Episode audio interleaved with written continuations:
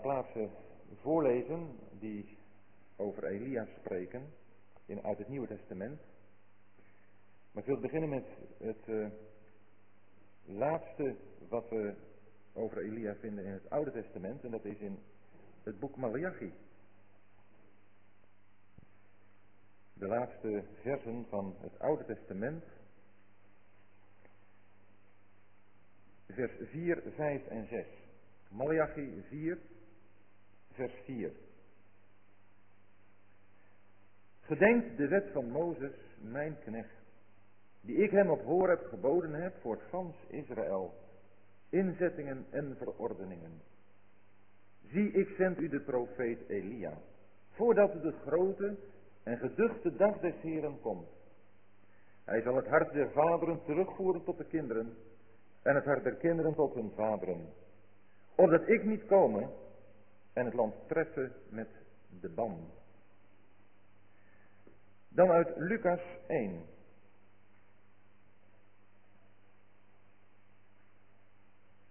Lucas 1, vers 13 voor het verband. Het gaat om vers 17. Lucas 1, vers 13. Waar we zien hoe de engel Gabriel aan Zacharia verschijnt en hem, en hem.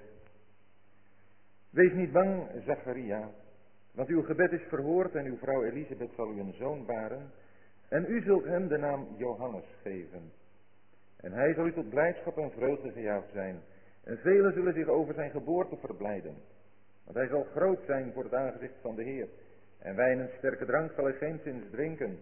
En hij zal met de Heilige Geest worden vervuld, al van de moederschoot af. En hij zal velen van de zonen van Israël doen terugkeren tot de Heer hun God. En hij zal voor hem uitgaan in de geest en de kracht van Elia. Om de harten van de vaders te doen terugkeren tot de kinderen. En de ongehoorzamen in de wijsheid van de rechtvaardigen. Om de Heer een toegerust volk te bereiden. Dan uit Matthäus 11.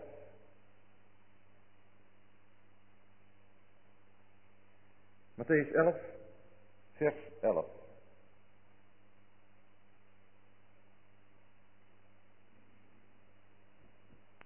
Voorwaar, ik zeg u, onder hen die uit vrouwen geboren zijn, is geen grotere opgestaan dan Johannes de Doper. Maar de geringste in het koninkrijk der hemelen is groter dan hij. Van de dagen nu van Johannes de Doper tot nu toe wordt het koninkrijk der hemelen met geweld ingenomen en geweldenaars rukken het weg. Want alle profeten en de wet hebben tot op Johannes geprofeteerd. En als u het wilt aannemen, hij is Elia die zou komen. Dan uit Marcus hoofdstuk 9, de bekende geschiedenis van de verheerlijking op de berg, die we ook in Matthäus 17 vinden, maar ik lees hem uit Marcus 9.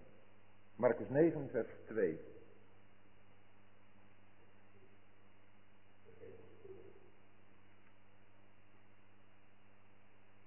En na zes dagen nam Jezus Petrus, Jacobus en Johannes mee en bracht hen afzonderlijk op een hoge berg alleen. En hij werd in hun bijzijn van gedaante veranderd. En zijn kleren werden blinkend, helwit, zoals geen volder op aarde wit kan maken. En hun verscheen Elia met Mozes.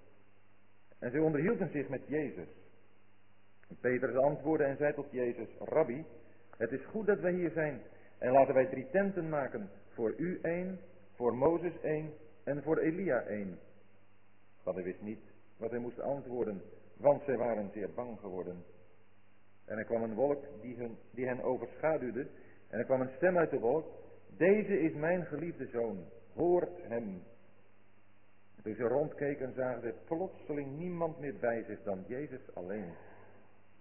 Terwijl ze van de berg afdaalden, gebood hij hun dat ze niemand zouden vertellen wat ze hadden gezien, voordat de zoon des mensen uit de doden was opgestaan. En ze hielden dit woord vast, terwijl ze zich onder elkaar afvroegen wat het was. Uit de doden opstaan. En ze vroegen hem al dus, waarom zeggen de schriftgeleerden dat eerst Elia moet komen? Hij nu zei tot hen, Elia komt wel eerst en herstelt alles. En hoe staat er geschreven van de zoon des mensen dat hij moet lijden en als niets geacht worden? Maar ik zeg u dat Elia ook gekomen is. En ze hebben met hem gedaan alles wat zij wilden, zoals van hem geschreven staat. En dan tot slot nog uit het boek De Openbaring, hoofdstuk 11.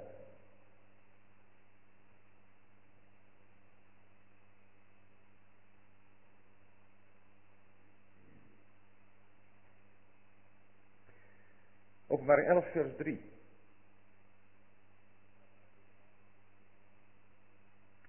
En ik zal aan mijn twee getuigen macht geven en ze zullen profeteren 1260 dagen lang met zakken bekleed.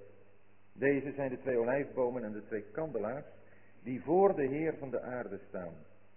En als iemand hun schade wil toebrengen, komt er vuur uit hun mond en verteert hun vijanden. En als iemand hun schade wil toebrengen, dan moet hij zo gedood worden. Deze hebben de macht de hemel te sluiten, zodat er geen regen valt in de dagen van hun profeteren. En ze hebben macht over de wateren om die in bloed te veranderen en om de aarde te slaan met allerlei plagen zoals ik was zij willen. En wanneer zij hun getuigenis voleindigd zullen hebben, zal het beest dat uit de afgrond opstijgt oorlog met hen voeren en hen overwinnen en hen doden. En een lijk zal liggen op de straat van de grote stad, die geestelijk genoemd wordt Sodom en Egypte, waar ook hun Heer gekruisigd is. En zij de volken en geslachten en talen en naties zien hun lijk drie en een halve dag. En zij laten niet toe dat hun lijken in hun graf gelegd worden. En zij die op de aarde wonen verblijden zich over hen. En zijn vrolijk en zullen elkaar geschenken zenden. Omdat deze twee profeten hen die op de aarde wonen gepijnigd hadden. En na de drieënhalve dag kwam de levensgeest uit God in hen. En ze gingen op hun voeten staan en grote vrees viel op hen, op hen en hen die, op hen die hen aanschouwden. En zij hoorden een luide stem uit de hemel tot hen zeggen, komt hierop. En ze stegen op naar de, naar de hemel, in de wolk. En hun vijanden aanschouwden hen. Vers 15. En de zevende engel bezuinde en er kwam, kwamen, kwamen luide stemmen in de hemel. Die zeiden, het koninkrijk van de wereld van onze Heer en van zijn Christus is gekomen. En hij zal regeren tot in alle eeuwigheid. Tot zover. We hebben een paar bekende plaatsen over Elia niet gelezen. Die uit Romeinen 11, waar we lezen hoe Elia het volk aanklaagde. En die uit Jacobus 5, waar we Elia zien als een man van gebed. Maar dat heb ik gedaan omdat we die in de afgelopen avonden al met elkaar hebben overdacht bij de betreffende geschiedenis. Wat we nu gedaan hebben en wat we vanavond met elkaar willen doen is kijken naar Elia. Zoals hij in het Nieuwe Testament naar voren komt. En daarbij, zoals uh, een vraag de vorige keer al uh, verwoordde, en waar we dan vanavond ook een antwoord op om uh, te krijgen. Welke overeenkomst is er tussen Elia en Johannes de Doper? We hebben daar een paar dingen over gelezen en we hopen daar zo op terug te komen. Maar we hebben eerst gezien dat Elia helemaal aan het eind van het Oude Testament nog een keer weer wordt genoemd. Hij wordt nog een keer genoemd, om het zo compleet mogelijk te houden, waar Elia voorkomt, in een brief. Dat wil zeggen, er is een brief van hem, die wordt opgetekend in 2 Kronieken 21, en die aan koning Joram wordt gegeven. En daarin wordt het oordeel over die koning wordt uitgesproken. Een hele opmerkelijke gebeurtenis, een brief te lezen van Elia. Maar we hebben ons vanavond mogen we ons bezighouden met Elia zoals hij als profeet naar voren komt. Een profeet die de woorden van God gesproken heeft, te midden van een volk, een wat van God was afgeweken, wat afgoderij pleegde, en waar een man als Elia opkwam voor de rechten van God. De man van God Elia. En wie wij ons in de voorgaande avonden ja, hebben kunnen herkennen of niet kunnen herkennen. Waar we in elk geval, naar ik hoop, een verlangen hebben gekregen om op Elia te gaan lijken. Elia die door God tot zijn volk was gezonden om dat volk tot inkeer te brengen. Mozes en Elia zijn de twee grote namen van het Oude Testament. Mozes die op Horeb van God de woorden heeft gekregen om die aan het volk door te geven. En helemaal aan het einde van het Oude Testament worden wij teruggeplaatst in de geschiedenis van het volk, naar het begin van de geschiedenis van het volk, in de verbondsbetrekking die het heeft met God. Vers 4 van Malachi 4 geeft dat aan. En dat God dat aan het eind van het Oude Testament doet, dat geeft ook ons een indruk van, als het in onze tijd zo lijkt op de tijd waarin Malachi heeft geleefd, dan wil ook God ons terugbrengen naar het begin. Naar de dingen die in zijn hart geweest zijn en die hij ons als zijn volk heeft meegedeeld. En waarin hij ons heeft laten zien hoe hij ons tot zijn volk gemaakt heeft. En hoe dat gebeurd is. En wat de voorwaarden zijn om als zijn volk hier op aarde te kunnen functioneren. Om hem een volk te zijn ten eigendom. Malachi is de laatste profeet van het Oude Testament. Hij komt nog na Zacharia en Haggai. Deze twee mannen hebben geprofiteerd ten tijde van Ezra. We kunnen het lezen in Ezra 5. Maar Malachi, denk ik, kan geplaatst worden in de tijd van Nehemia. En eigenlijk al helemaal aan het eind van de dienst van Nehemia. En nadat de stem van Malachi zwijgt, is er 400 jaar rust. Voordat de hemel weer gaat spreken. Voordat God weer van zich doet horen. Op een rechtstreekse wijze. En we hebben het gelezen in Lucas 1, hoe dat gegaan is. Maar Malachi, hij heeft het volk aangesproken. Een volk dat zo ver van hem was afgeweken van God. En hij heeft de, de vinger op de wonden gelegd. En Malachi heeft er geen doekjes om gewonden. En heeft gezegd waar het op stond. Maar Malachi heeft ook een woord voor die twee of die drie die enkelen die daar waren. En Maria heeft het gezegd, en als dan spreekt een ieder tot zijn naaste. De Heere lette er toch op. Want er is een gedenkboek voor zijn aangezicht geschreven.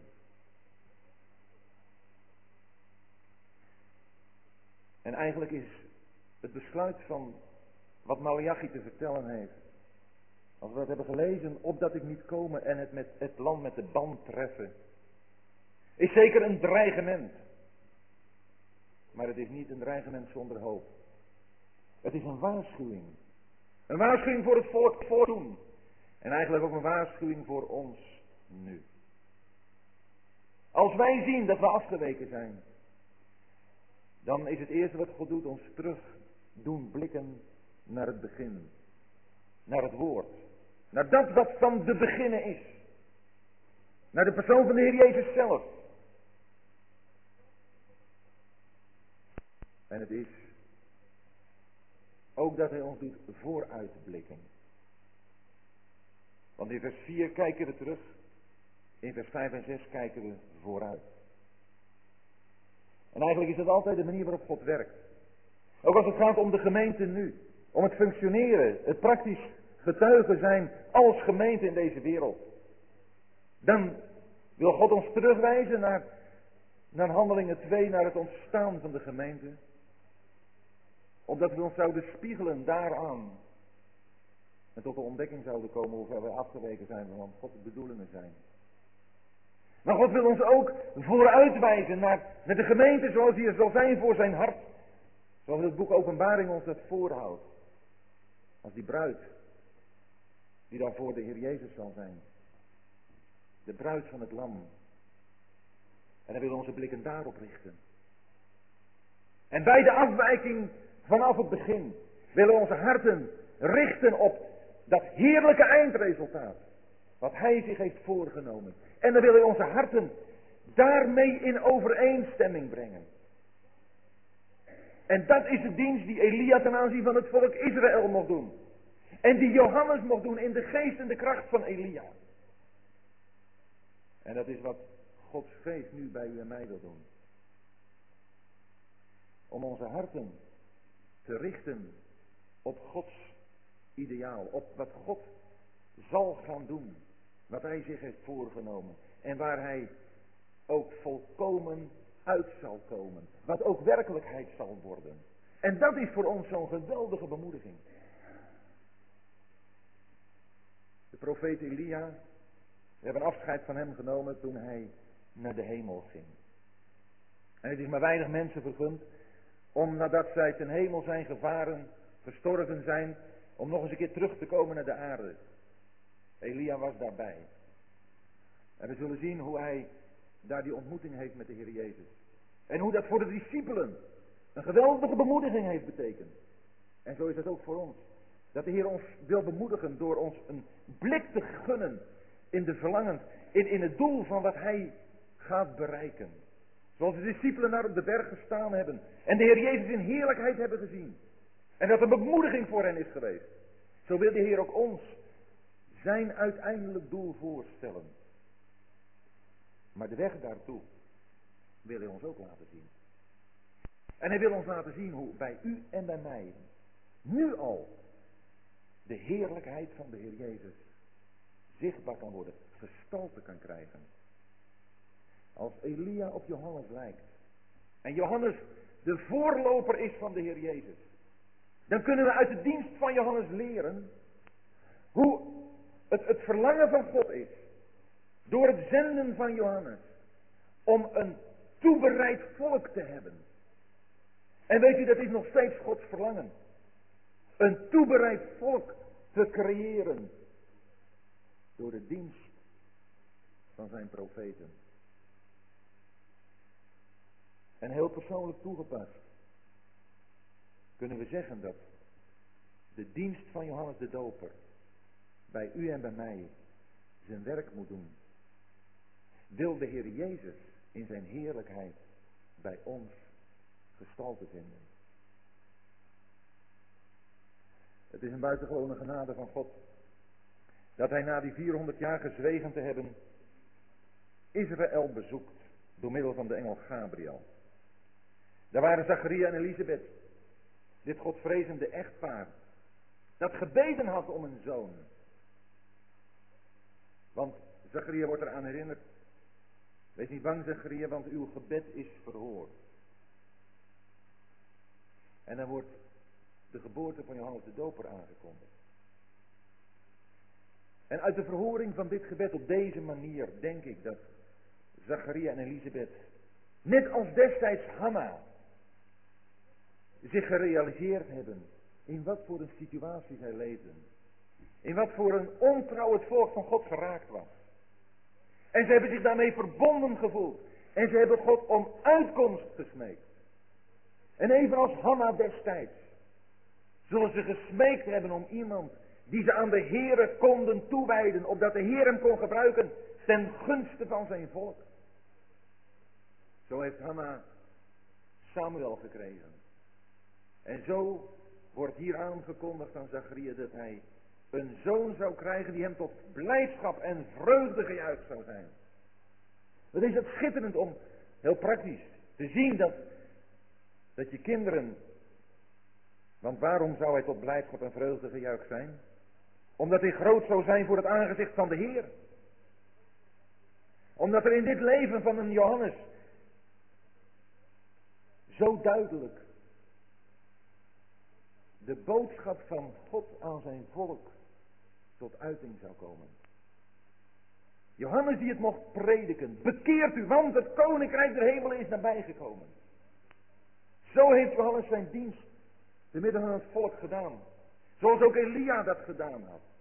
Ook Elia woonde en werkte te midden van een ontrouw volk. En Elia heeft dat volk terug willen brengen naar de Heer. Ook hij heeft de harten van het volk willen toebereiden.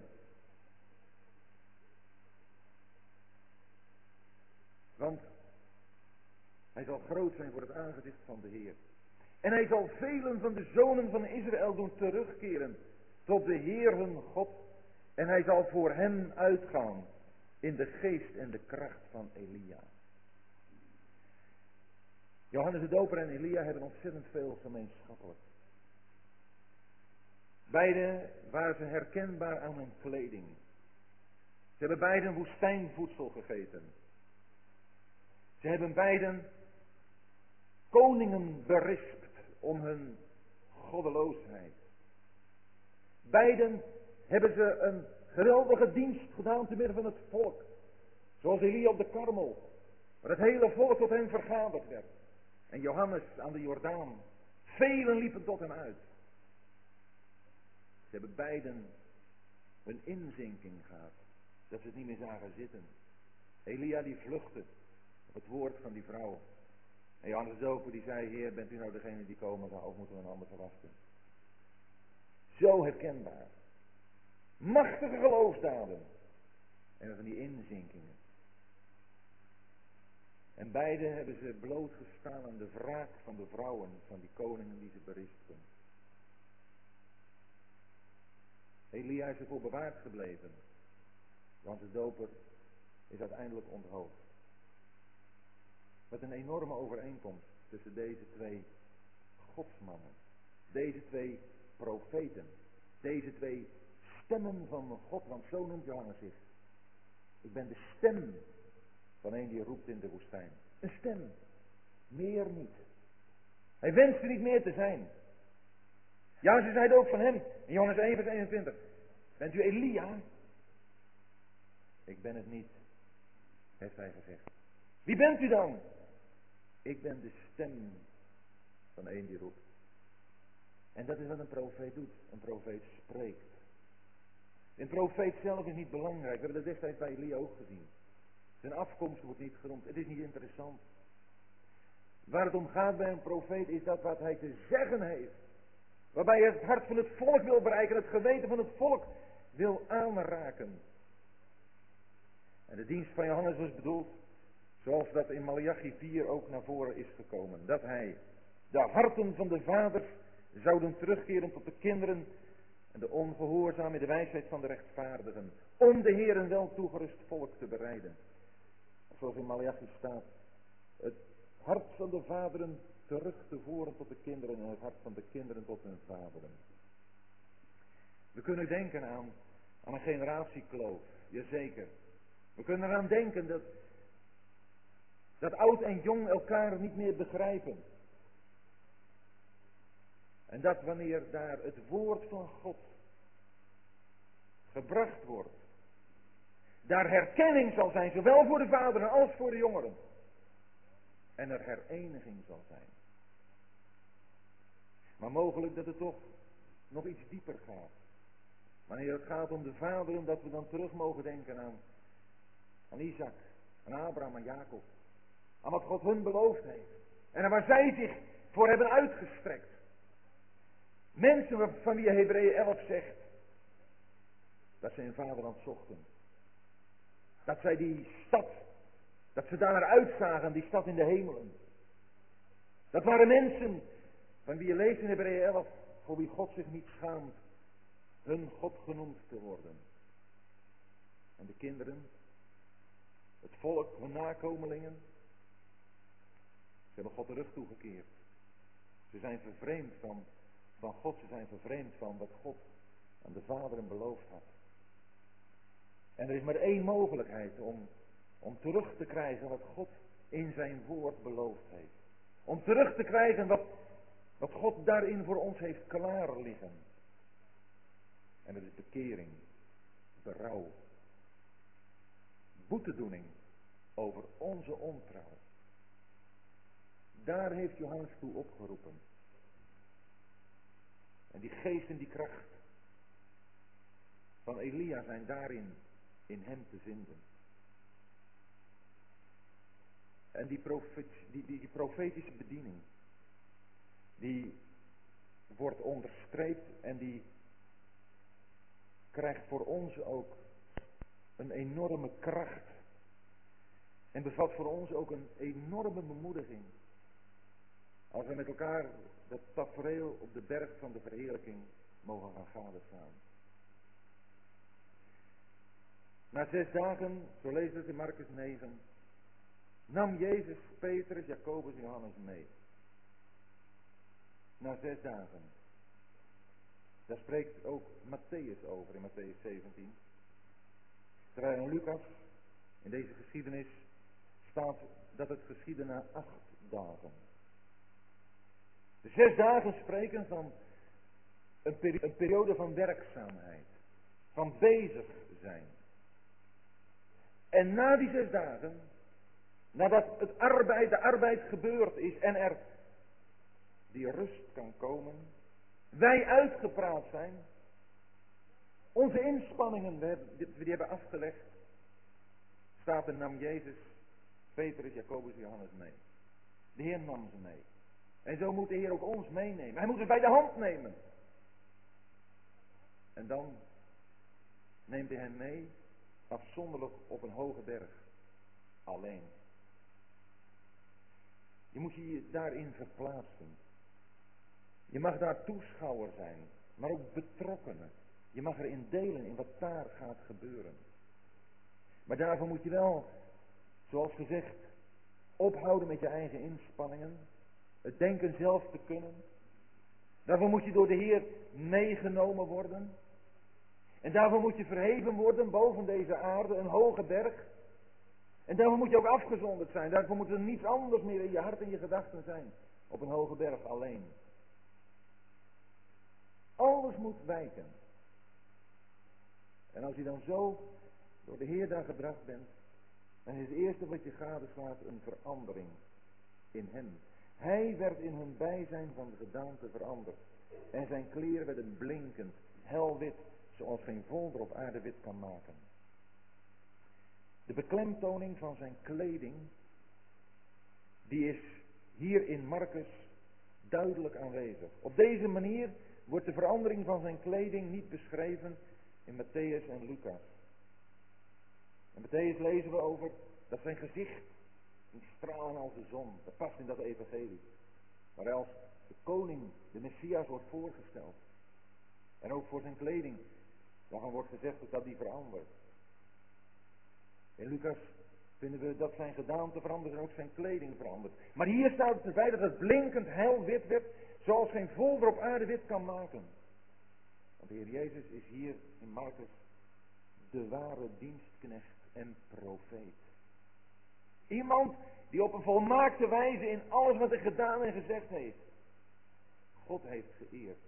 De naam van God heeft groot gemaakt. En er staat hier, en hun verscheen Elia met Mozes. In Matthäus en Lucas staat er dat Mozes en Elia verschenen. Hier valt de nadruk op Elia. En eigenlijk alleen, want hun verscheen Elia. Niet verschenen Elia en Mozes. Het is niet alleen maar dat de volgorde verandert. Waardoor de nadruk ook wel op Elia zou komen te liggen. Maar het staat hier, en hun verscheen Elia. Met Mozes. Elia krijgt hier in dit Marcus-evangelie de volle nadruk. Juist in dit evangelie. Dat ons de profeet en dienstknecht voorstelt. Zoals de Heer Jezus dat is. En zij onderhielden zich met Jezus. Ook een prachtig woord. Zij onderhielden zich met hem. Daar is vertrouwelijkheid. Daar is een gesprek. In alle, in de sfeer van vertrouwen. En Petrus. Petrus die niet goed weet, zoals we lezen, wat hij moet zeggen. Ook dat hij bang was. Petrus denkt, dit moeten we vasthouden. Rabbi, het is goed dat wij hier zijn. Laten wij drie tenten maken. Voor u één, voor Mozes één en voor Elia één. Geweldig, Petrus, dat je dit zo waardeert dat je dit wil vasthouden. Dat je hier wilt blijven. En we hebben dat wel eens meer gehoord en ook tegen elkaar gezegd op conferenties of in samenkomsten.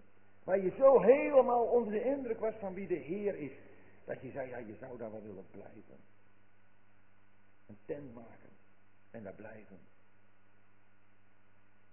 Alleen Petrus was een beetje te enthousiast door te zeggen, laten we drie tenten maken. Voor u één, voor Mozes één en één voor Elia. Goed, de Heer komt dan voorop, maar Mozes en Elia worden door hem toch eigenlijk op één lijn geplaatst met de Heer.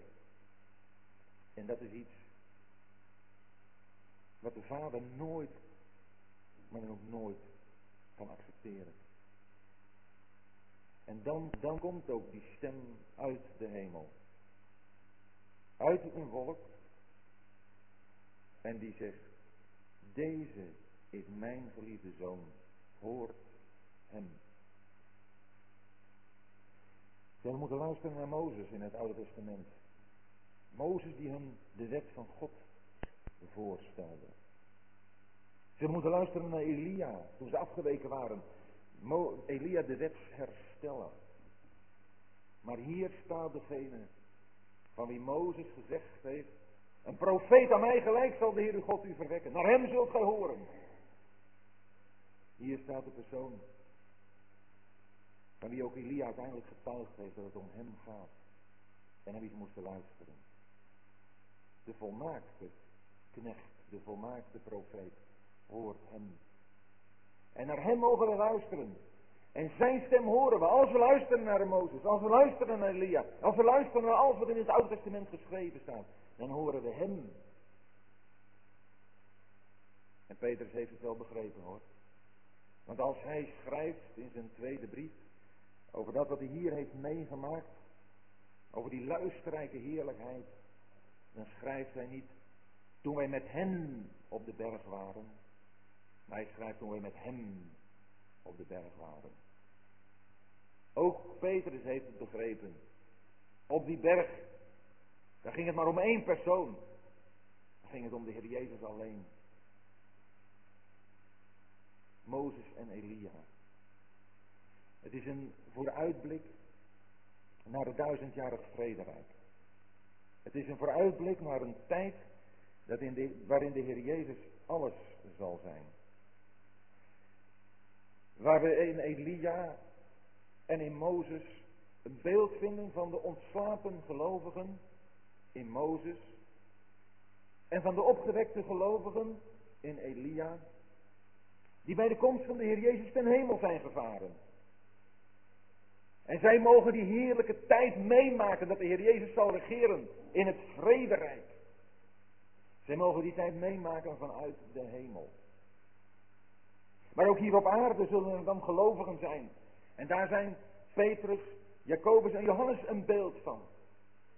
Ook zij, het gelovig overblijfsel of allen die de Heer Jezus kennen en lief hebben, in het vrederijk zullen de heerlijkheid van de Heer Jezus zien en daarvoor buigen en zich daarover verheugen. Maar het is voor dit moment een geweldige bemoediging geweest voor deze drie discipelen. Zoals het ook voor ons een geweldige bemoediging is om, om te zien hoe het straks zal zijn. Ze hebben zo'n bemoediging gehad. De grote schrijvers van het Nieuwe Testament. In het zicht wat ze hebben gekregen op de Heer Jezus bij de aanvang van hun dienst. Hier Petrus. Op de berg. Maar weten we het ook van Paulus? Paulus die ook de Heer Jezus heeft gezien. Dat was het startpunt voor zijn dienst. En dat heeft zijn hele dienst gestempeld. Hij heeft de Heer gezien verheerlijkt in de hemel. En Johannes, de evangelist. Hij schrijft in Johannes 1, we hebben zijn heerlijkheid aanschouwd. Een heerlijkheid als van een enig geborene van een vader. Vol van genade en waarheid. En dat is in zijn dienst ook uit ingekomen. En zo is er voor ieder van ons een blik op de heerlijkheid van de Heer Jezus. Die onze dienst zal kenmerken. Zonder dat we iets van de heerlijkheid van de Heer Jezus gezien hebben, is er geen dienst mogelijk. En is er geen bemoediging in de dienst. Dat hebben we nodig. En die blik op de Heer Jezus krijg je. In de eenzaamheid. Als je alleen bent met Hem. En onder de indruk van zijn heerlijkheid kom je. Als je de waardering die de Vader over de Heer Jezus heeft hoort. Onder de indruk van hem kom je. Als je zijn woord leest. En daarin ziet wie hij is. Hoe hij spreekt. Hoe hij gehandeld heeft. En bezig zijn met hem. Is voor u en mij. Het enige motief. De enige bemoediging. Om een dienst te doen. Te midden van een volk wat die dienst uiteindelijk afwijst. Want dat is het, het trieste van het resultaat van de dienst. Dat is waarover de Heer Jezus spreekt als we de berg zijn afgedaald. Jij moet een keer de berg af. En dan, als de Heer over zijn opstanding heeft gesproken, uit de doden opstaan, dan hebben de discipelen daarna een vraag. In vers 11. En ze vroegen hem al dus, waarom zeggen de schriftgeleerden dat Elia eerst moet komen? Hij zei tot hen, Elia komt wel eerst en herstelt alles. En hoe staat er geschreven van de zoon des mensen dat hij veel moet lijden en als niets geacht worden? Maar ik zeg u dat Elia ook gekomen is. En ze hebben met hem gedaan alles wat zij wilden, zoals van hem geschreven staat. We hebben het gelezen in Matthäus 11, waar de Heer zegt, en als u het wilt aannemen, hij is de Elia. Hoe zit het nu? Johannes zegt, als ze hem vragen, bent u Elia? Ik ben het niet. En de Heer zegt, als u het willen aannemen, hij is Elia. Wel, Johannes zegt ermee, ik ben niet de letterlijke Elia. En de Heer Jezus zegt, Johannes heeft de bediening van Elia. Hij gaat in de geest en de kracht van Elia. Hij lijkt in dat wat hij spreekt op Elia. In de dienst die hij heeft om het volk terug te brengen tot God, lijkt hij op Elia. Hij is de Elia die komen zal. En hier in Marcus 9 zegt de Heer, en Elia is ook gekomen. Maar ze hebben hem gedaan, alles wat zij wilden. Want wat hebben ze met Johannes Doper gedaan? Jazeker, ze zijn onder de indruk gekomen. Maar we hebben in, in Matthäus 11 gelezen dat om de prediking van Johannes de Doper aan te nemen, er geweld nodig is.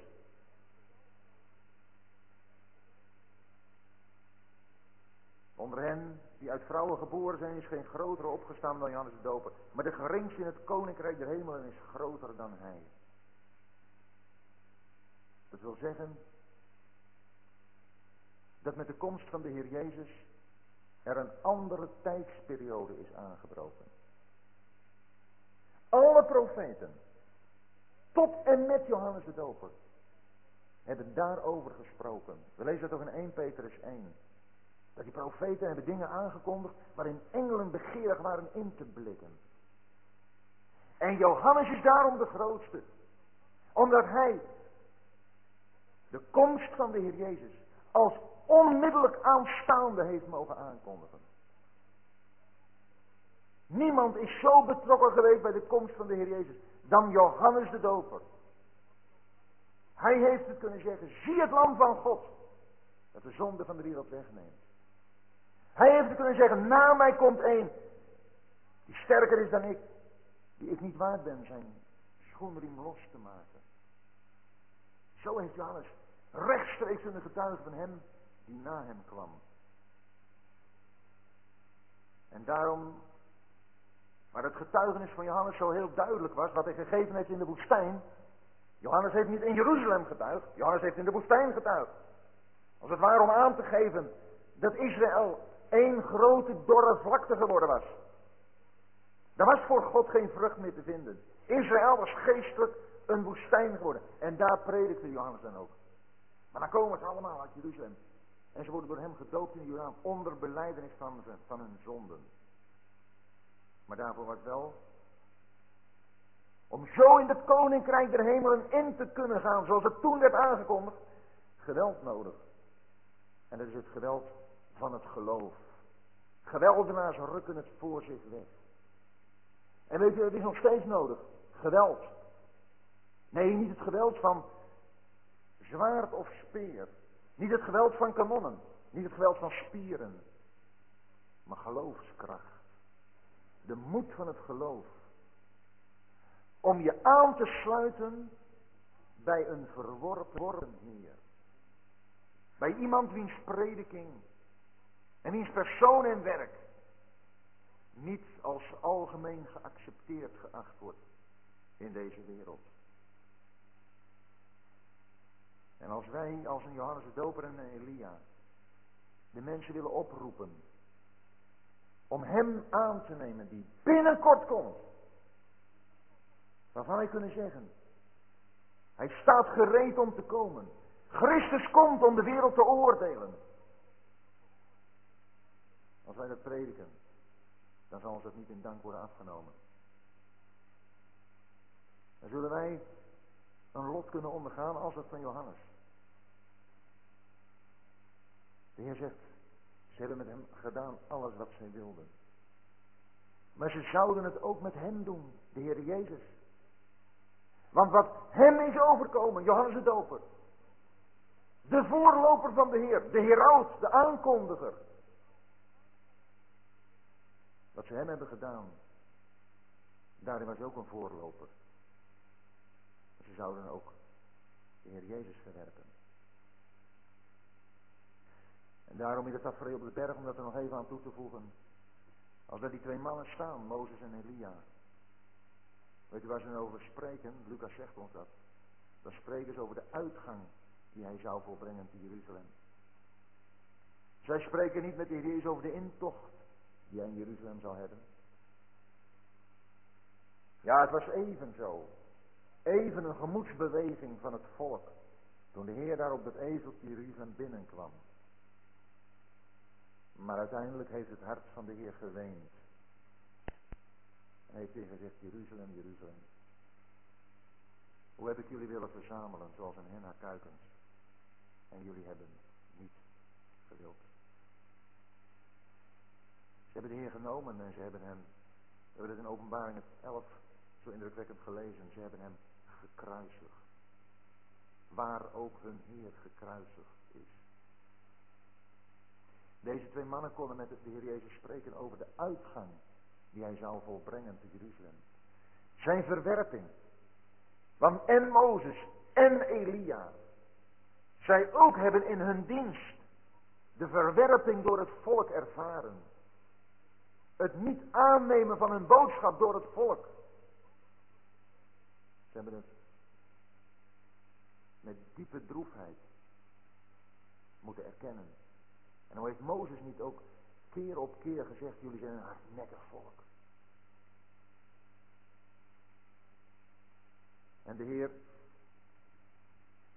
als hij dan zo met Mozes en Elia daarover spreekt, zo onderhielden zich met hem. Ja, in de tafereel kunnen wij, kunnen wij zien, ook als wij een dienst voor de Heer te doen hebben. De Heer laat ook ons zien dat onze dienst niet overal met gejuich zal worden aangenomen. Daar is het nu nog niet de tijd voor. Maar de Heer wil wel zielen toebereiden, opdat zijn woord ingang vindt in die harten. En dat woord mogen wij spreken. En laten we dan niet op de resultaten, de zichtbare resultaten letten. Maar laten we letten op de Heer Jezus. Laten we kijken naar Hem. Want de uitgang, de uitgang die Hij zou volbrengen in Jeruzalem, die heeft de basis gelegd voor de uiteindelijke heerlijkheid. Die zijn deel zal zijn. Want hij heeft gezegd, moest de zoon des mensen dit niet lijden al zo in zijn heerlijkheid ingaan? En zo is het voor ons ook, zegt Romeinen 8. Als we met hem lijden, is er heerlijkheid daarna. Het lijden, ze hebben met, met Elia gedaan wat ze wilden. En van de zoon des mensen, daarvan staat dat hij moet lijden, veel moet lijden en als niets geacht worden. Dat zegt de Heer Jezus hier, nadat hij op de berg der verheerlijking is geweest. En hij laat ook ons niet in het onzekere over wat ons deel is. Hij zegt dat als ze mij vervolgd hebben, ze zullen ook jullie vervolgen. Het evangelie dat wij te prediken hebben, is geen succes-evangelie. Is niet een evangelie wat er soepeltjes inglijdt. En het woord wat we te spreken hebben, ook in de christenheid, onder de gelovigen, onder hen die zich Gods kinderen noemen, is niet altijd een boodschap van aangename woorden, van zachte dingen. Johannes heeft en Elia, ze hebben gesproken tot een massa die beleed volk van God te zijn. Maar dat afgeweken was. En ze hebben daar het ongenoegen van dat volk en van de leiders van het volk zich mee op de hals gehaald. Daarom nog een keer, geweld is nodig. Geweld niet alleen maar, denk ik, om in het koninkrijk der hemelen binnen te gaan. En het koninkrijk der hemelen, dat werd toen aangekondigd. Dat is opgericht. Maar niet zoals het in het Oude Testament door de profeten beloofd was. Zoals het beloofd is in het Oude Testament. Zo moet het nog komen. Maar als het Koninkrijk der Hemelen nu opgericht is. En wij daarin zijn mogen binnengaan door geloof in de Heer Jezus. Het Koninkrijk der Hemelen betekent nu een Koninkrijk in verborgenheid. Zoals Matthäus 13 dat in verschillende gelijkenissen laat zien. En verborgenheid wil zeggen dat het niet openbaar is, zichtbaar over deze wereld. Maar dat het bij u en bij mij in ons persoonlijk leven, in ons gezinsleven zo kan zijn, zo behoort te zijn. Dat wij naar de normen van dat koninkrijk der hemelen leven. Dat wij ons buigen onder het gezag van een hemelse Heer. Van een koning die in de hemel is, die gezag over ons heeft. En aan wiens gezag wij ons graag onderwerpen. Dat is wat de Heer de discipelen heeft willen leren. Dat is wat hij ons wil leren. Nu lijken op Elia. Nu lijken op Johannes de Doper. Opdat de Heer Jezus, opdat de Heer Jezus in ons herauten kan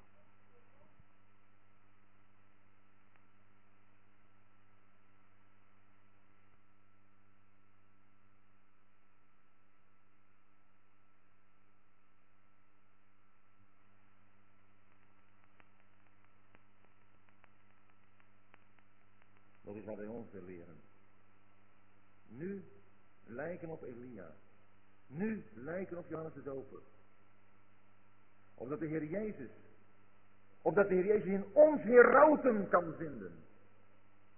Opdat de Heer Jezus in ons mensen kan vinden die getuigen van Hem.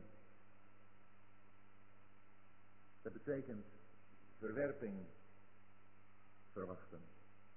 Dat betekent niet geaccepteerd worden. Maar het is feitelijk. We hebben toch gezien hoe het op de berg van de verheerlijking was. We hebben toch eens in de toekomst mogen kijken. We hebben toch in de Bijbel wat ons geopenbaard is over hoe het zal zijn straks. Dat staat ons nog te wachten. Dat is niet een utopie, dat is niet iets vaags, iets ja, dat moet je maar afwachten. Petrus zegt daarvan, en dat moeten we maar even lezen vanwege de stelligheid van die woorden. Petrus zegt daarvan dat wij het profetische woord, zegt vers 19, des te vaster hebben. In 2 Petrus 1 lezen we in vers 16 want niet als navolgers van vernuftig verzonnen fabels hebben wij u de kracht en komst van onze Heer Jezus Christus bekendgemaakt, maar als ooggetuigen van zijn majesteit. Want hij ontving van God de Vader eer en heerlijkheid. Toen hij van de luisterrijke heerlijkheid zo'n stem tot hem kwam. Deze is mijn geliefde zoon, in wie ik welbehagen heb gevonden. En wij hoorden deze stem uit de hemel komen toen wij met hem op de heilige berg waren. En zo hebben wij het profetische woord des te vaster. En u doet goed aan daarop acht te geven, als op een lamp die schijnt in een duistere plaats, totdat de dag aanbreekt en de morgen erop gaat in uw harten. Zekerheid. Vastheid. Dat heb je. Als je oog in oog bent geweest met de Heer Jezus in zijn heerlijkheid. Dat was voor Abraham de start van zijn leven als pelgrim. In Handelingen 7 lezen we dat de God der heerlijkheid aan hen verscheen.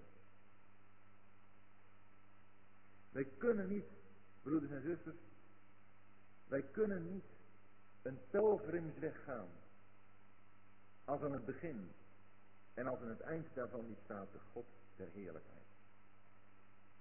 De heerlijkheid van God, zoals 2 Korinthe 4 het zegt, die wij hebben mogen zien in het aangezicht van Jezus Christus. En dat is echt alles waar het om gaat. Iets geringer kan het niet doen. Houdt het misschien even vol. Iets meer is er niet. Dit is het. De Heer Jezus in zijn heerlijkheid. Die komt. Die heerlijkheid van de Jezus komt. Die zal gezien worden hier op aarde. Er is geen enkele twijfel over mogelijk. Elke knie zal zich buigen. Van hen die in de hemel en die op de aarde en die onder de aarde zijn. En alle tong zal beleiden dat Jezus Christus Heer is. Tot heerlijkheid van God de Vader. Is dat waar voor ons of is dat niet waar? En dat is maar waar het om gaat. Beleiden we het alleen maar? Of zeggen we, dit is waar het om gaat. En dat is wat mijn leven kan bepalen. Wat mijn leven beïnvloedt. Voor iets anders wil ik niet leven. Alles in mijn leven groepeert zich daaromheen. En gaat daarvan uit. Dat gegeven. Dat de Heer Jezus binnenkort hier op aarde zal regeren. En als je dat ziet. Dan kun je ook nu met hem En de Jezus komt heel binnenkort. En alles wijst daarop. Als je het boek De Openbaring leest, en we hebben daar iets van gelezen, dan is het een extra bemoediging voor ons om vol te houden. Het boek De Openbaring laat ons de kracht en de komst van de Heer Jezus zien. Daaraan, aan de komst van de Heer Jezus naar deze aarde, gaan een aantal gebeurtenissen vooraf. Inleidende oordelen kun je dat noemen. En ik weet niet, maar wij staan op de drempel van al die gebeurtenissen die vanaf hoofdstuk 6 beschreven worden. In hoofdstuk 5, daar vinden we hoe daar het lam staat te midden van, in het midden van de troon van God en hoe daar de oudsten eromheen staan. De 24 oudsten als een beeld van de ontslapen heiligen uit het Oude Testament en uit het Nieuwe Testament. De gemeente is aan opgenomen en is in de hemel. En ze zijn er getuigen van. En uh, we mogen als het ware meekijken over de schouder van Johannes heen als in openbaringen 4 dat woord hoort. Kom hierop. En ik zei het tonen. Zei tonen wat hierna gebeurd was. En, en dan ziet hij een geopende deur in de hemel. En dan ziet hij naar de troon van God. En wij mogen meekijken met Johannes. En dan krijg je daar al die oordelen. Vanaf hoofdstuk 6. Tot en met hoofdstuk 11 vind je dat die oordelen hun weg vinden naar de aarde. En die oordelen, die gaan allemaal uit van de troon van God en van het Lam. Vanaf hoofdstuk 11, vers, 18, vers 19 begint eigenlijk een, een nieuw gedeelte. Zodat wij een stukje hebben gelezen in openbaring 11 wat ons gedeelte afsluit. En uh, ik vond het opmerkelijk dat we hebben gelezen in vers 15 van openbaringen 11. Het koninkrijk van de wereld van onze Heer en van zijn Christus is gekomen en hij zal regeren tot in alle eeuwigheid. Dan is het feitelijk nog niet zo ver. Maar in de hemel wordt dat gehoord, hè, want daar staat in vers 15. Er kwamen luide stemmen in de hemel. Voor de hemel is het zo, nu is het zover. De praktische uitwerking moet nog volgen. Er zijn nog een paar dingen te regelen. Maar nu is het zover. De oordelen zijn vanuit de troon uitgegaan. De volgende oordelen. Die hebben te maken met de ark van het verbond. En die komen meer rechtstreeks van God zelf. Maar hier in openbaring 11 is er een afsluiting van een gedeelte wat de regering van de Heer Jezus introduceert. En waarvan gezegd wordt, het koninkrijk van de wereld van onze Heer en van zijn Christus is gekomen en hij zal regeren tot in alle eeuwigheid. Dat is een machtig woord. En weet u wat daar onmiddellijk aan vooraf gaat? Dat is het getuigenis van die twee getuigen. In wie we Mozes en Elia herkennen. Want we hebben gelezen dat deze twee getuigen macht hebben om de hemel te sluiten zodat er geen regen valt. Denken we daarbij niet aan Elia?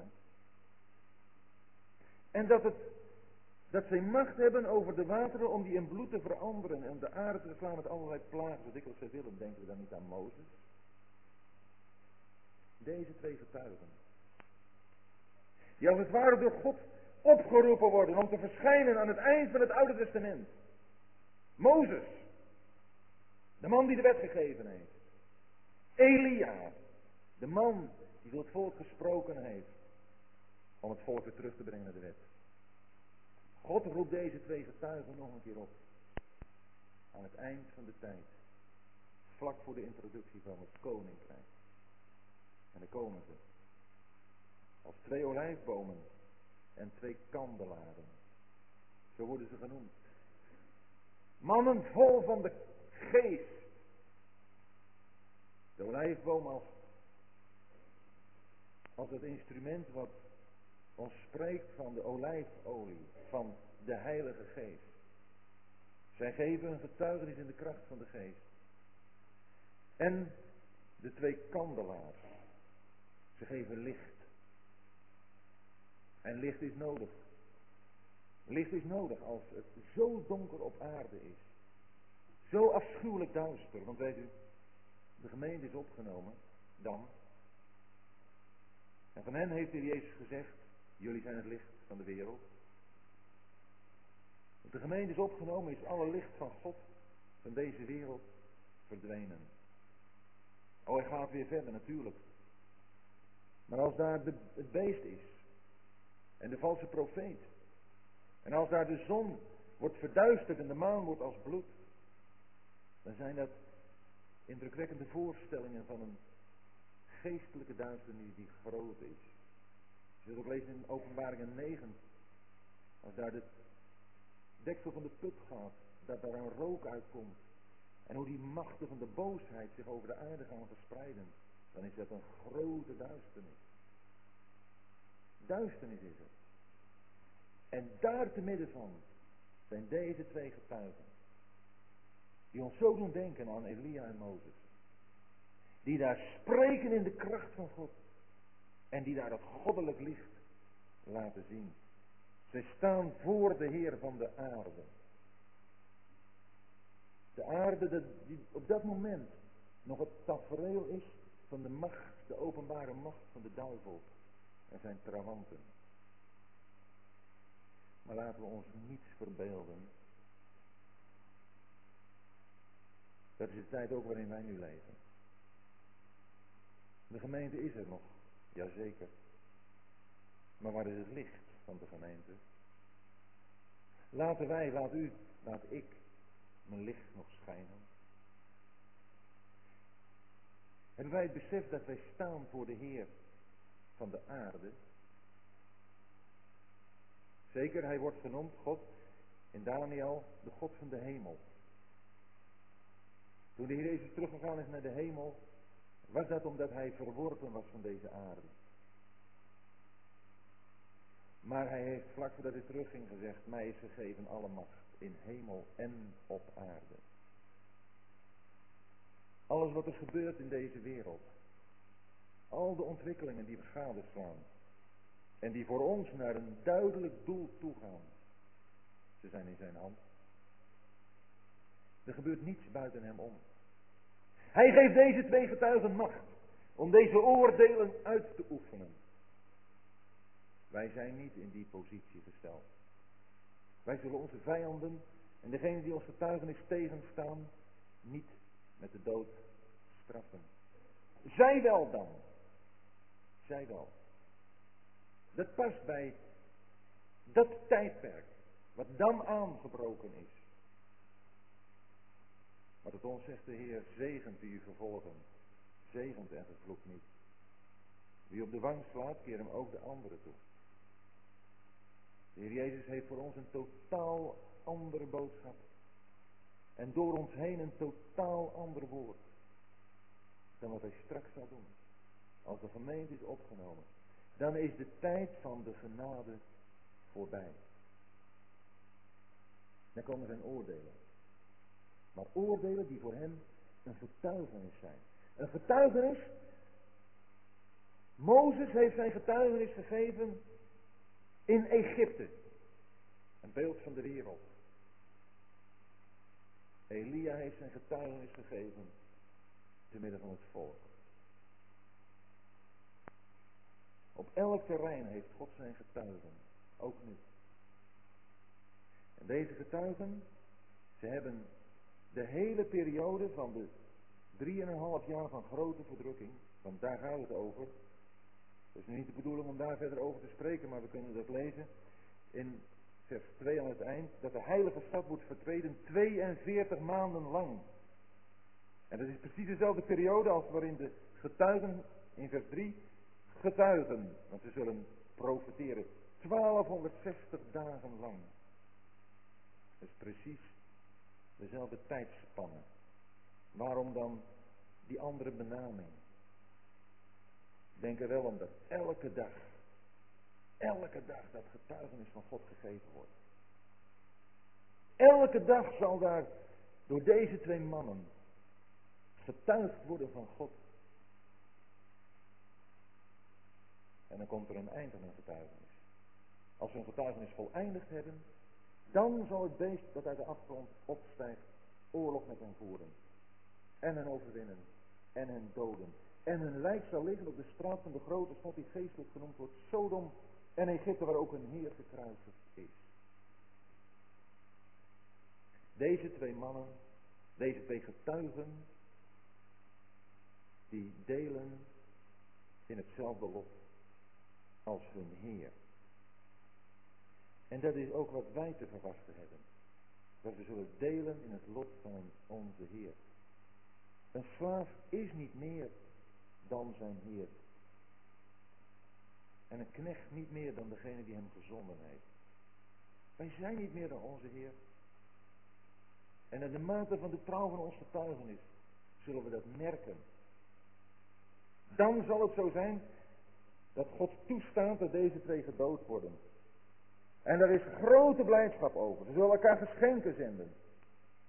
Maar na drieënhalve dag komt de levensgeest uit God in hen. En ze staan weer op. En dat brengt grote schrik. Vrees viel op hen die hen schouwden. Maar in de hemel is er blijdschap. Een luide stem uit de hemel komt hierop. En dat is dan wanneer dit van die grote verdrukking zijn einde heeft gevonden. Het tijdstip waarop God, waarop Christus gaat regeren. Na dit getuigenis. En ik hoop zo dat u en ik dit van deze getuigen, dit van Johannes de Doper, dit van Elia willen leren. Dat wij mensen zijn die naar de Heer Jezus verwijzen. Die als het ware wegbereiders zijn in de harten van mensen om de Heer Jezus aan te nemen. Maar ook dat Johannes de Doper als het ware in mij, mij iets kan doen. Het profetische woord richt zich ook tot mezelf. Dat de dingen die bij mij een verhindering zijn om de heerlijkheid van de Heer Jezus zichtbaar te maken, dat die geoordeeld worden. Dat het woord van bekeert u ook mijn hart zal treffen. Uw, jouw hart zal treffen. En dat weggedaan kan worden. Wat een verhindering is voor de toebereiding van de Heer Jezus om in ons leven te komen. Of in bepaalde hoeken van ons leven. In bepaalde situaties in ons leven te komen. Of zijn er nog terreinen in ons leven waar we hem nog geen toegang hebben gegeven. Bereid de weg van de Heer. Die weg bereiden. Dat mag het woord van God bij ons doen. Dat wil het woord van God bij ons doen. Dat mogen we naar elkaar toe doen. Met dat ene grote doel. De verheerlijking van de Heer Jezus. Zijn heerschappij. Nu in onze persoonlijke leven. En heel binnenkort hier in deze wereld.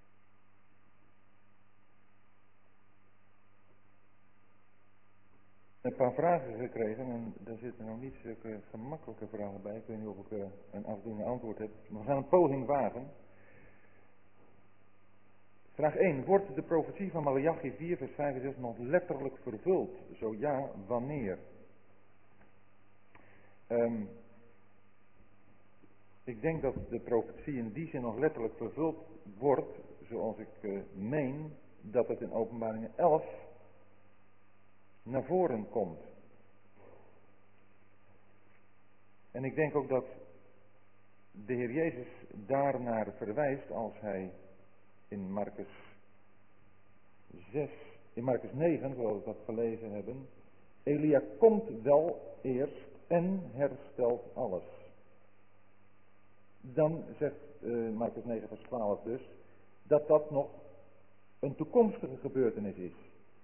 Vers 13 in Marcus 9 zegt dan dat Elia al gekomen is. En dat wijst terug naar de komst in Johannes de Doper van een Elia in diens geest en kracht. Hoe het precies zit, dat antwoord moet ik u uh, schuldig blijven. Ik weet dat niet. Maar voor mijn idee heeft in elk geval openbaringen 11 te maken met een vervulling van Mar uh, Malachi 4. dat, zo staat het er ook. Zie, ik zend u de profeet Elia voordat de grote en geduchte dag des Heren komt. Dus daar, daar heeft uh, dat zeker mee te maken. Dat te midden van deze afschuwelijke tafereelen die ze dan zullen afspelen, de Heer toch zijn getuigen heeft om mensen, en dat met name het gelovig overblijfsel, en misschien, ik heb er ook uh, dit van gelezen, kan ik wel aan doorgeven, dat in die twee getuigen eigenlijk het gelovig overblijfsel als zodanig wordt voorgesteld. Het niet twee letterlijke personen zijn, maar een groep personen die de Heer trouw is, die voor de Heer uitkomt. En dat zijn mensen die uh, gehoor hebben gegeven aan het evangelie wat de Heer heeft laten verkondigen. Dus ja, ik, ik blijf het antwoord een klein beetje schuldig. Maar ik zie dus wel de relatie tussen Malachi 4 vers 5 en 6 en openbaringen 11. Vraag 2. Toch nog een vraag over Jacobus 5 vers 16. Wat of wie wordt bedoeld met rechtvaardige? Jacobus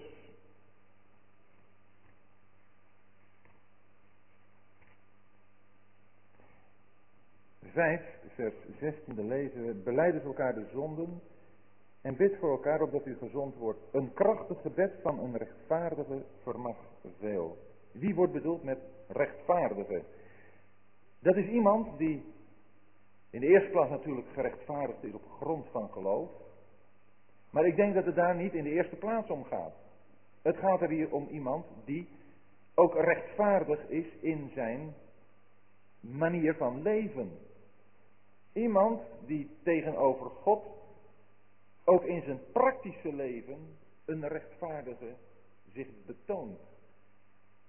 Want als iemand gaat bidden en er zijn in zijn leven dingen die verkeerd zijn, dan hoeven wij niet met een gebed tot God te komen, want dan zal God eerst ons iets te vertellen hebben. Dan gaat God niet naar ons luisteren, maar wil Hij ons eerst aanspreken over het verkeerde wat er gevonden wordt. En daarom als iemand als een rechtvaardige bidt in de praktijk van het leven, dan kan hij een krachtig gebed opzenden. En is daar ook veel aan verbonden. Een krachtig gebed van een rechtvaardige vermag veel. Het gaat dus om de praktijk van het geloofsleven en daarin je een rechtvaardige tonen. En zo gaat de vraag verder. Als iemand de bidstond niet bezoekt, in hoeverre worden zijn haar gebeden verhoord? De reden van Het niet bezoeken van de bidstond, die zal uh, in ogenschouw genomen moeten worden. Maar de bidstond is natuurlijk niet de enige plaats waar gebeden kan worden en waar het gebed van een rechtvaardige gebeden kan worden. Hier in Jacobus 5 gaat het zeker om het persoonlijk gebed, hè, want het wordt verbonden met Elia, die een mens was van gelijke natuur en hij bad een gebed. Maar ik denk wel dat het zeker een bijzondere plaats is waar je als gelovige samenkomt om te bidden. In Handelingen 12, daar lezen we van de gemeente die een vurig gebed tot God doet voor de bevrijding van Petrus als hij gevangen zit. En dat gebed wordt verhoord. Het is een gemeente die vurig bidt. En ik denk dat de bid stond uit het samenkomen van de gemeente om te bidden, dat dat door ons ongelooflijk ondergewaardeerd wordt.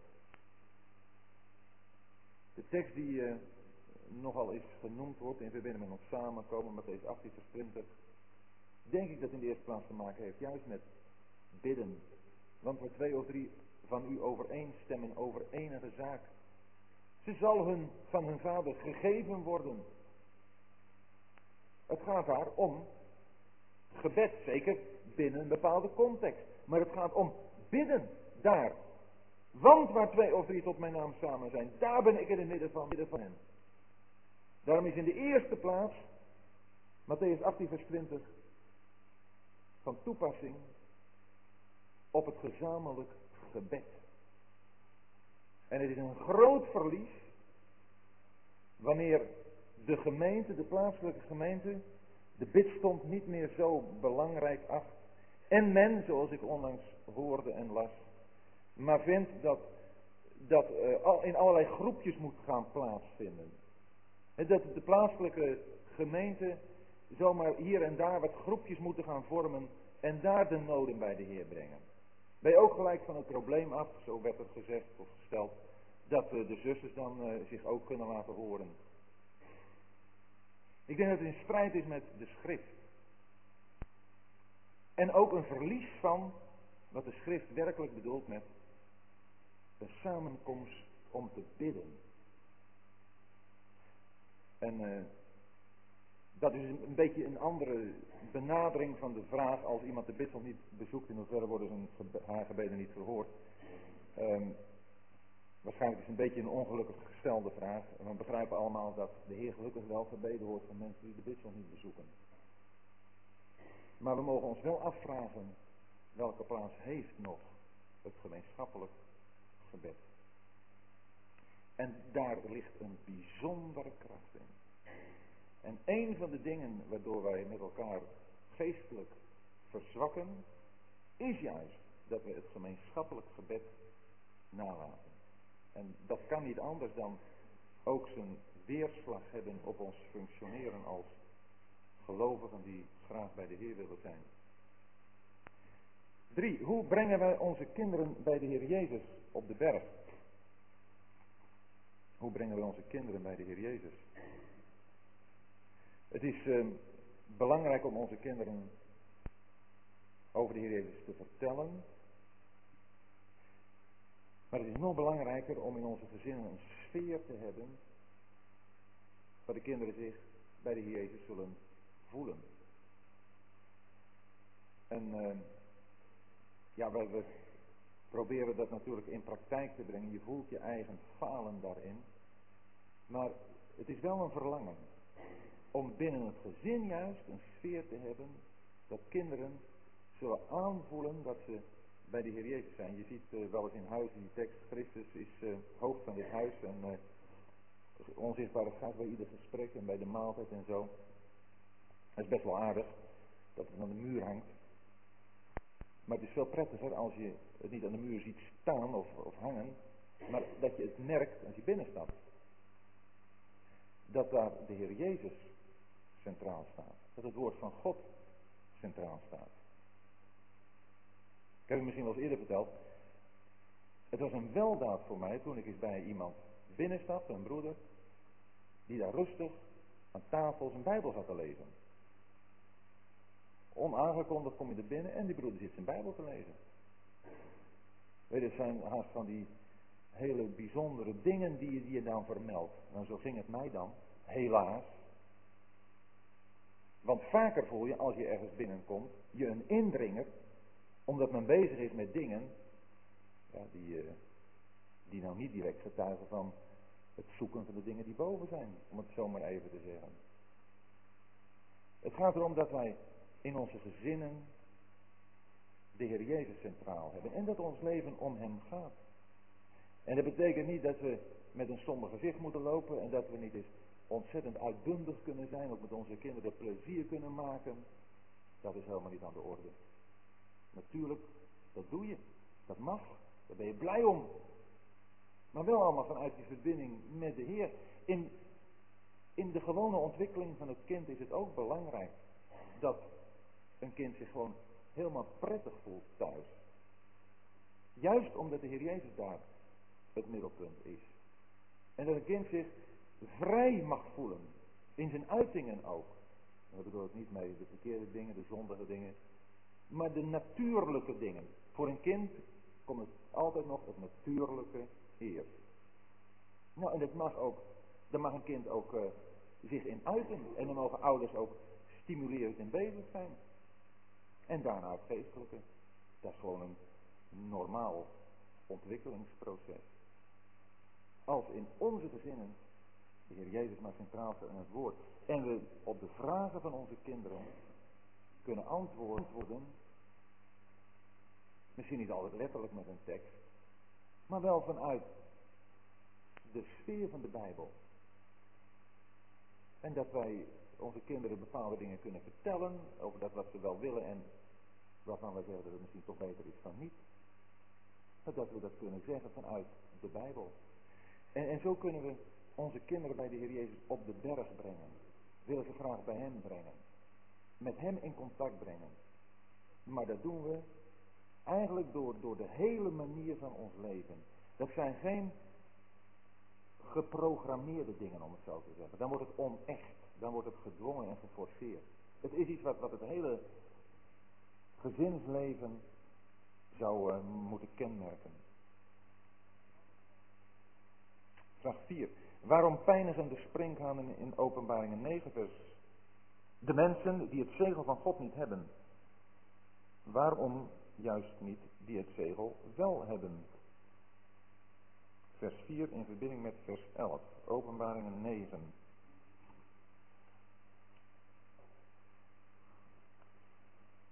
In openbaringen 9 vers 4 staat...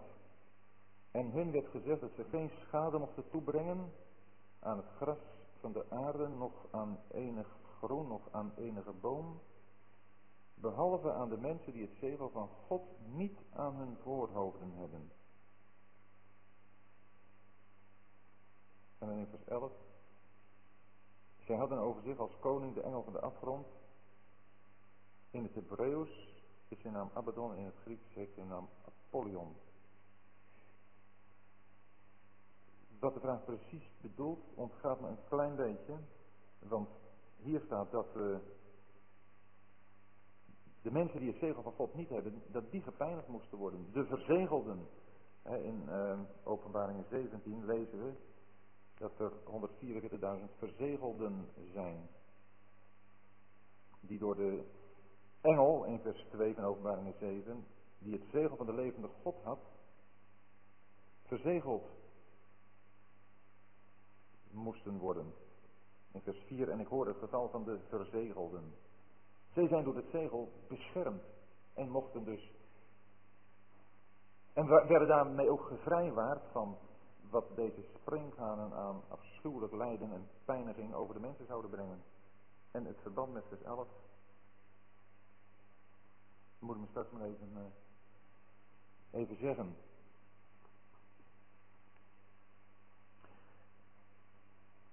Uh, dan een andere vraag op een uh, tweede blaadje. Begrijp ik wat u bedoelde dat Mozes en Elia met de Heer meegingen in zijn opstanding? Nee, ik heb het, uh, dacht ik, niet zo gezegd. Zij zijn, nadat ze met de Heer verschenen waren op de berg, gewoon weer teruggegaan naar de hemel. Direct dus. En dan is het dit dat de Heer gevangenen meenam. En heeft dit ook te maken met de gaven die toen ge, de graven, ook met de graven die toen geopend werden. Nee, ik denk het niet. Dat, dat zijn toch echt wel twee verschillende gebeurtenissen. Toen de Heer uh, opstond, toen, zo lezen we dat in Matthäus, gingen de graven van de ontslapen gelovigen open en die verschenen aan velen in de stad. Maar dat was dan een bewijs van de heerlijke opstanding van de Heer Jezus, van de overwinning van de dood. En dat moest, daarvan moest getuigd worden. Dus de geschiedenis met de graven die geopend zijn, heeft niets te maken met de verheerlijking op de berg. En dan wat er dus in staat, is dit het dat de Heer gevangenen meenam? Ik denk dat dat een verwijzing is, uh, althans een, iets wat we lezen in Efeze 4 en ook in Psalm 69, dat hij de gevangenschap gevangen heeft genomen. En toen de Heer Jezus in de dood, dood ging en daaruit opstond, toen heeft hij dat waarin de mensen gevangen waren, de dood, die gevangen is, die heeft hij als het ware zelf gevangen genomen. Hij heeft de macht over dat terrein van de dood gebroken. En allen die daarin gevangen waren en dat uh, hebben erkend, heeft hij ook bevrijd. Toen is hij opgevaren naar de hoge, zegt Efeze 4, en toen heeft hij daarna aan de mensen die met hem in verbinding staan, gaven gegeven. Dus ik denk dat uh, de geschiedenis van Mozes en Elia en de graven die geopend werden bij de opstanding, dat dat twee verschillende dingen zijn. Hiermee ben ik gekomen aan het eind van de vragen. En dan uh, mag Wim het afsluiten.